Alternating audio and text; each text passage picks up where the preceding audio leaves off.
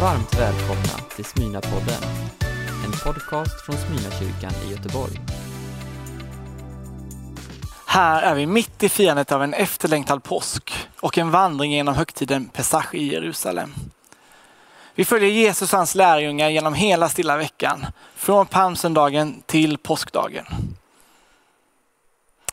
I dessa annorlunda tider så låter vi nu påsken påminna oss om att vi bokstavligen går mot ljuset och på den vägen så fortsätter vi idag ytterligare ett steg till mot försoningen.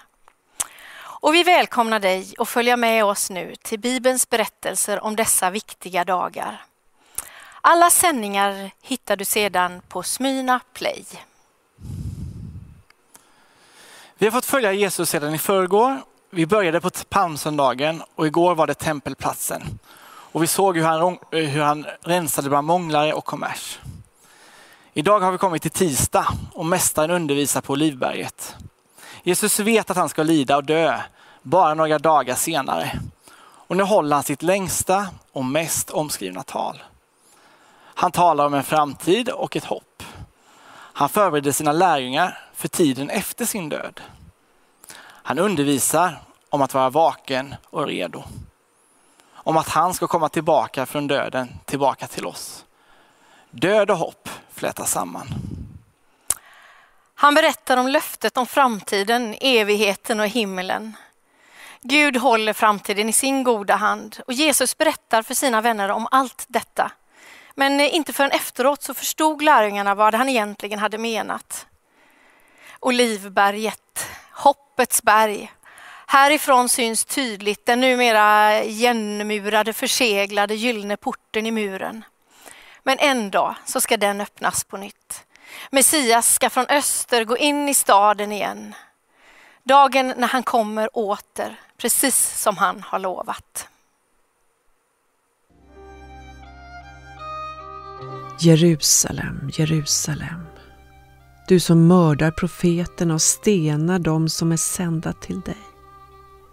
Hur ofta har jag inte velat samla dina barn, så som hönan samlar sina kycklingar under vingarna. Men ni ville inte. Nu ska ert hus lämnas öde, för jag säger er, härefter kommer ni inte att se mig förrän ni säger Välsignade han som kommer i Herrens namn. När Jesus lämnade templet och var på väg ut kom hans lärjungar fram för att visa honom på tempelbyggnaderna. Men han sa till dem, ni ser allt detta. Jag säger er sanningen. Här ska inte lämnas sten på sten, allt ska rivas ner. När Jesus sedan satt på Olivberget och lärjungarna var ensamma med honom kom de fram till honom och frågade Säg oss, när ska det ske? Och vad blir tecknet på din återkomst och den här tidsålderns slut? För drygt ett år sedan så lämnade mina föräldrar det land i Afrika, landet Kenya, där de i 31 år hade investerat sina liv och betjänat landet och människorna i egenskap av missionärer. Avresan från Kenyatta flygplats i Nairobi var på många sätt sista punkten i vad som hade visat sig vara en relativt lång process. Men som till slut hade lett fram till ett ur många aspekter ganska svårt men nödvändigt beslut för sin del. Deras tid och uppgift i det främmande land till att börja med, men som med årens lopp blev till ett älskat andra hemland, skulle ta slut. Och under de föregående två årsperioden som de upplevde hade deras tankar och liv präglats påtagligt både av att vara fullt verksamma i det vardagliga men samtidigt hade planeringen påbörjats för ett avslut och en fortsättning någon annanstans resten av sina liv. Det visade sig ganska snart naturligtvis att vissa saker som hade med avslutningen och flytten att göra kunde genomföras månader i förväg. Däremot när det gällde andra saker och ting var man, var, var man tvungen att invänta den sista tiden, de sista veckor och dagar innan den slutgiltiga avresan ifrån Kenya. Idag, denna tisdag kväll, i vår skildring av påskveckans spännande händelse, så har vi lämnat staden som för bara några få timmar sedan bubblade av liv och rörelse. Jerusalem har börjat lugna sig inför natten. De minsta barnen ligger och sover. Vi har passerat hus och sett hur lamporna börjat tändas i fönstren och vi har tagit oss öster om den mäktiga historiska staden Jerusalem för att stiga upp på Olivberget. En liten bit utanför stan och placerad drygt 800 meter ovanför havsnivån. Låt oss stanna upp lite, reflektera och ställa oss frågan, vad är det som precis har inträffat? Vad är det som har hänt? I slutet av Matteus evangeliet 23 kapitel och början av kapitel 24 så märker vi något slags skifte. Jesus har en liten stund tidigare ståendes i det stora, vackra, av människor byggda templet gett en av sina kanske vassaste, hårdaste och utmanande förkunnelse under sin drygt treårig tjänst. Omringad av folkmassor, lärare och så självklart fariseer. Han avslutar tillrättavisningen med det vi kan läsa i kapitel 23, vers 37 till 39. Jerusalem, Jerusalem, du som dödar profeterna och stenar dem som blir sända till dig. Hur ofta har jag inte velat samla dina barn så som hönan samlar sina kycklingar under vingarna, men ni ville inte. Nu får ni själva ta hand om ert övergivna hus. Till jag säger er, ni ser mig inte mera förrän den dag då ni säger välsignad är han som kommer i Herrens namn. Det är det som Jesus uttalar över den här staden. Det är som om dessa ord, dessa övertydliga, utmanande ord verkar vara de sista orden i hans offentliga tjänst överhuvudtaget. Jesus hade under sin tjänst sagt väldigt mycket, förmedlat så mycket under en relativt kort tid. Oerhört intensiva åren, fylld av både det ena och det andra. Och ibland så hade han enbart några få åhörare omkring sig. Ibland var han omsluten av tusentals människor från alla möjliga håll och kanter och skiftande samhällsklasser. Och även här med det här crescendot i templet så är det många som lyssnar och förmodligen skakas av hans övertydliga avslöjanden. Denna dramatiska bild som målas upp och som vi tydligt ser visar att detta var långt mer än något som Jesus enbart sa. För i början av kapitel 24 och vers 1 så står det att Jesus lämnade templet och var på väg ut. Han gick inte bara ut från templet han bokstavligen lämnade templet. Tog sitt sista farväl och lämnade det. För att faktiskt aldrig mer återvända igen till templet.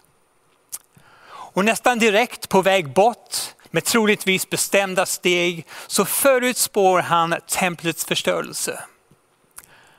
Låt oss lägga märke till att templet bokstavligen lämnas öde och övergiven när Kristus inte längre är närvarande. Men han lämnar inte templet förrän han blir bortdriven. Härligheten har lämnat templet. Deras beskydd är inte längre närvarande. Och bara några få dagar senare, på fredagen, så kommer förhänget i detta tempel att rämnas uppifrån och ned. Och Guds närvaro kommer inte längre att vara begränsad till den allra heligaste platsen i templets dunkla mitt.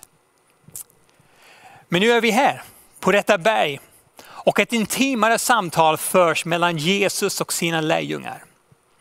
Han hade lämnat templet, men han hade inte lämnat sina lärjungar.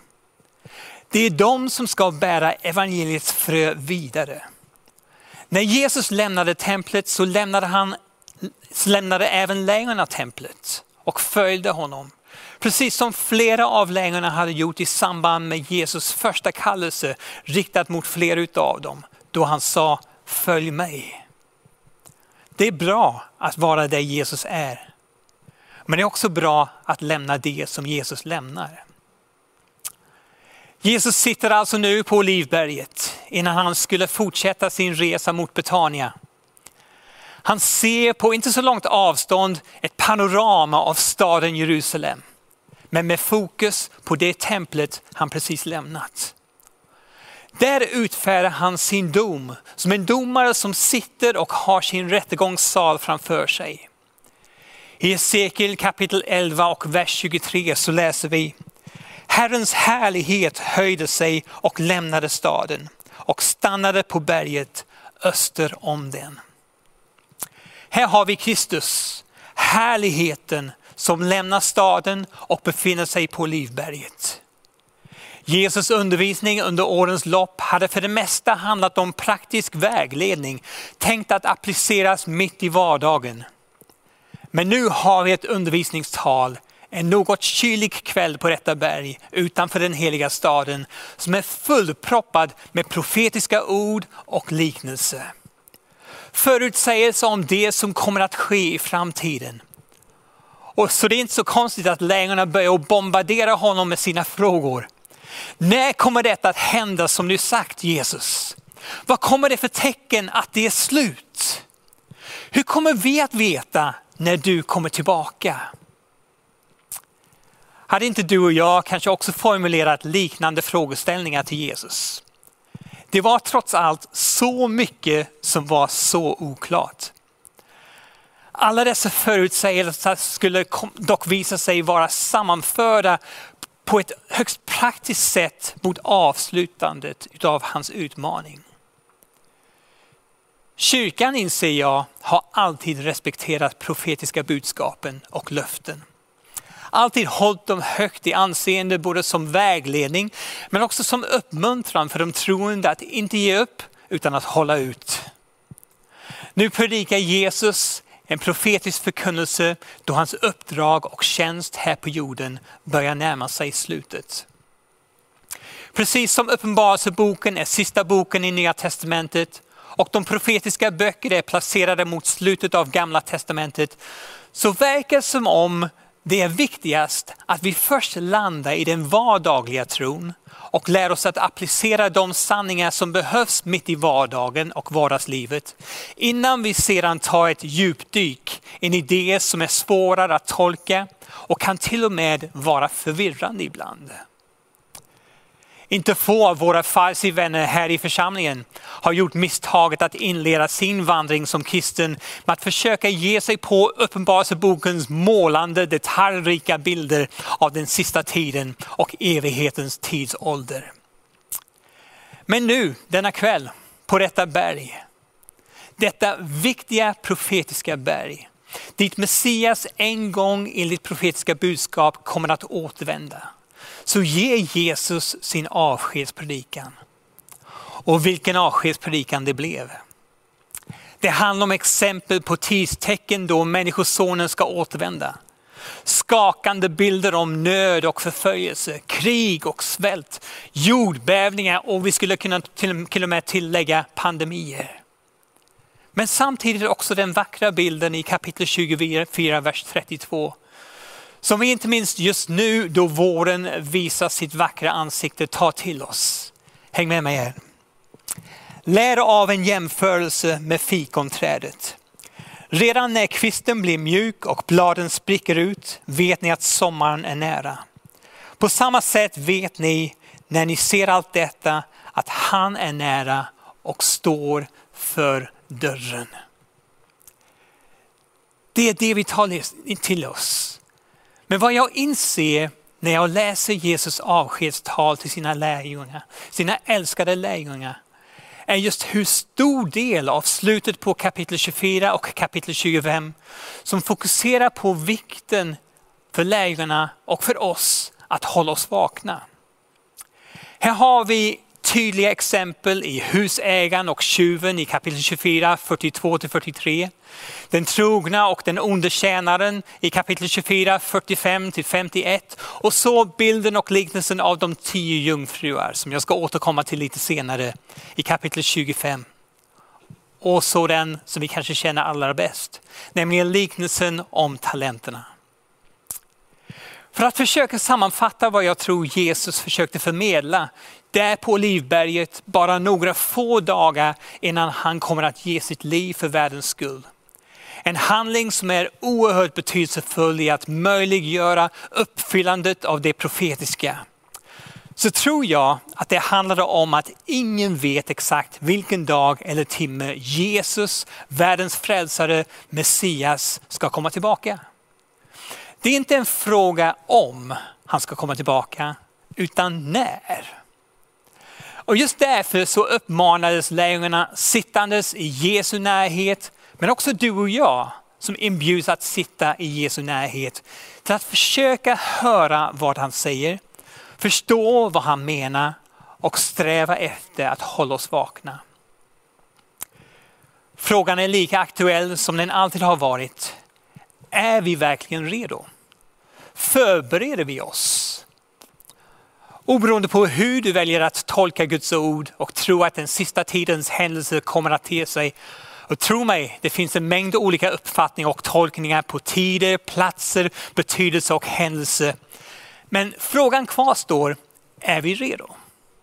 Det är summan av den frågan som Jesus lämnar ringandes i lärjungarnas öron och frågan som ringer även i våra öron där vi sitter ikväll.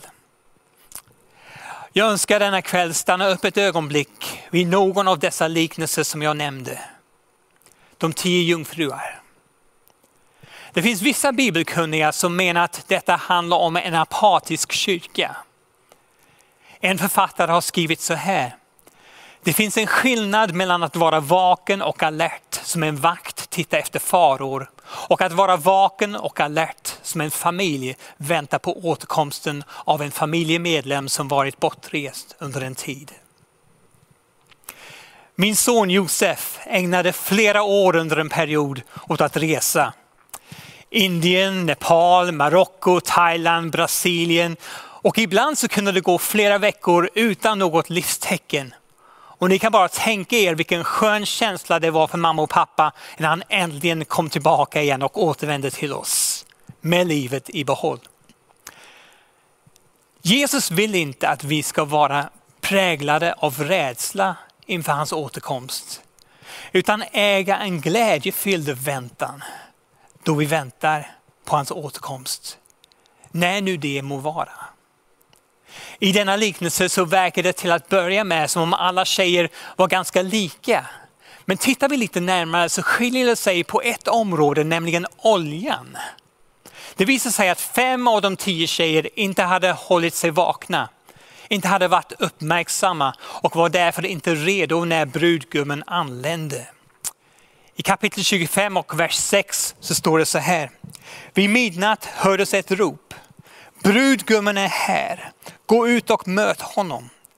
Då vaknade alla jungfruarna och gjorde i ordning sina lampor. De oförståndiga sa till de kloka, ge oss av er olja, våra lampor slocknar. De kloka svarade, den skulle inte räcka både till oss och till er. Vi sitter här mitt bland mängder av olivträd på Olivberget. Olivberget kallas också för Oljeberget. Getsemane som betyder olivpress ligger bara en stenkast härifrån. Och där finns flera olivpressar som används för att utvinna olja till alla lampor som lyser i staden här nedanför oss. Olivernas skördeprocess inleds med att man krossar oliverna för att sedan pressa dem på den dyrbara oljan. Det är intressant. För om bara några få timmar så kommer Jesus själv ligga här i den här trädgården pressad och krossad inför det omänskliga men också ofrånkomliga uppdrag han fått att förverkliga. Att vara världens frälsare. Första oljan som pressades fram av Getsemanes oliver var reserverade för att enbart användas som bränsle i tempelljusstaken och visa hur ljuset från Gud skulle spridas ut över hela världen. Oljan är även en bild av den helige ande. Gud erbjuder anden så att vi ska kunna se klarare, tydligare. Anden som kan ge vårt inre öga ljus åt det som är dunkelt och grumligt. Jesus uppmaning till oss att vara ansvarsfulla förvaltare och göra vad vi kan så den helige ande kan få leva i och genom våra liv. Anden är vår hjälpare, tänkt att hjälpa och bistå dig och mig mitt i vardagens ofrånkomliga utmaningar som väntar. Vi behöver anden för att kunna uppfylla det som är vårt uppdrag. Men också för att kunna hålla oss vakna och förväntansfulla inför Messias återkomst. Lärjungarna behövde den heliga ande verksamma i sina liv. Och det är också avgörande för dig och mig. Så låt oss hjälpas åt med att väcka till liv en ännu starkare längtan efter anden i din och min vardag. Det finns flera exempel på personer som legat på sina dödsbädd men ändå haft förmågan att kunna yttra sig under de sista sekunder eller minuter de är vid liv. Många gånger är dessa ord inte ord präglade av oväsentligheter utan viktiga ord för den efterlevande att minnas och ta med sig som ett arv som bär och uppmuntrar. Tillbaka till mina föräldrar och deras avsked ifrån Kenya. Bland det största och viktigaste bland prioriteringarna som min mor och far bestämde sig för strax innan de lämnade många kära vänner de älskat, levt och tjänat tillsammans med. Det var just att besöka individuella vänner och kamrater för att lämna ord av vägledning och uppmuntran och även ut, uppmaning. Viktiga ord som var tänkt att berika, utmana och bära in i en oviss framtid. Här i vår apokalyptiska text här så lämnar Jesus livsavgörande ord till sina vänner. De som han har levt så nära under en lång tid. Ord som han vill att de ska bära med sig. Var vaken, var redo. I vers 6 i kapitel 25 så läste vi tidigare, vid midnatt hördes ett rop, brudgummen är här, gå ut och möt honom. Det är detta Jesus ville peka lärjungarnas uppmärksamhet mot just den här kvällen. En tid då han återigen ska komma tillbaka och sätta sina fötter på just detta heliga berg. I Sakarja kapitel 14 och vers 3-4 så läser jag. Ty Herren ska dra ut och strida mot dessa folk som förr när han stred på kampens dag. Den dagen ska han stå med fötterna på Olivberget som ligger invid Jerusalem på östra sidan. Och Olivberget ska rämna mitt i tu från öster till väster i en väldig dal. Ena halvan av berget viker åt norr och andra halvan åt söder. Gamla testamentets profetiska ord som talade in i nya testamentet och som talar även i den tiden du och jag befinner oss i. Ingen mer väntan så småningom. Den dagen då både du och jag kan ropa Messias har återkommit till befrielse för sitt folk. Så denna kväll på detta berg på väg mot vad som kommer att vara världens och historiens både mörkaste men också ljusaste stund. Låt oss minnas, uppmuntras och vägledas av Jesus enkla utmanande ord. Håll er därför vakna. Ni vet inte när dagen och timmen är inne. Vi ber. Herre, tack för dessa enkla men så betydelsefulla ord som du lämnade med dina lärjungar. Utmanande ord men också uppmuntrande. Och just med tanke på den tiden som vi lever i just nu, med allt som har skett i vår värld den senaste tiden och inte minst det här året som har blivit ett år som vi aldrig trodde vi skulle få uppleva. Hjälp oss att hålla oss vakna. Hjälp oss att hålla oss fokuserade på dig. Hjälp oss att dagligen bjuda in den helige Ande till att hjälpa oss just för den här dagen. Vi behöver inte se längre än så just nu. Utan just idag, Herre, så ber jag, hjälp mig att hålla mig vaken och redo.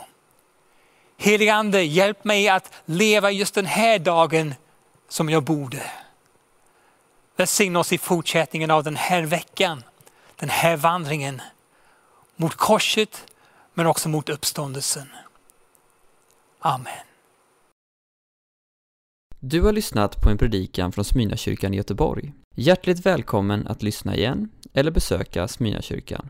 Gud välsigne dig och din vecka.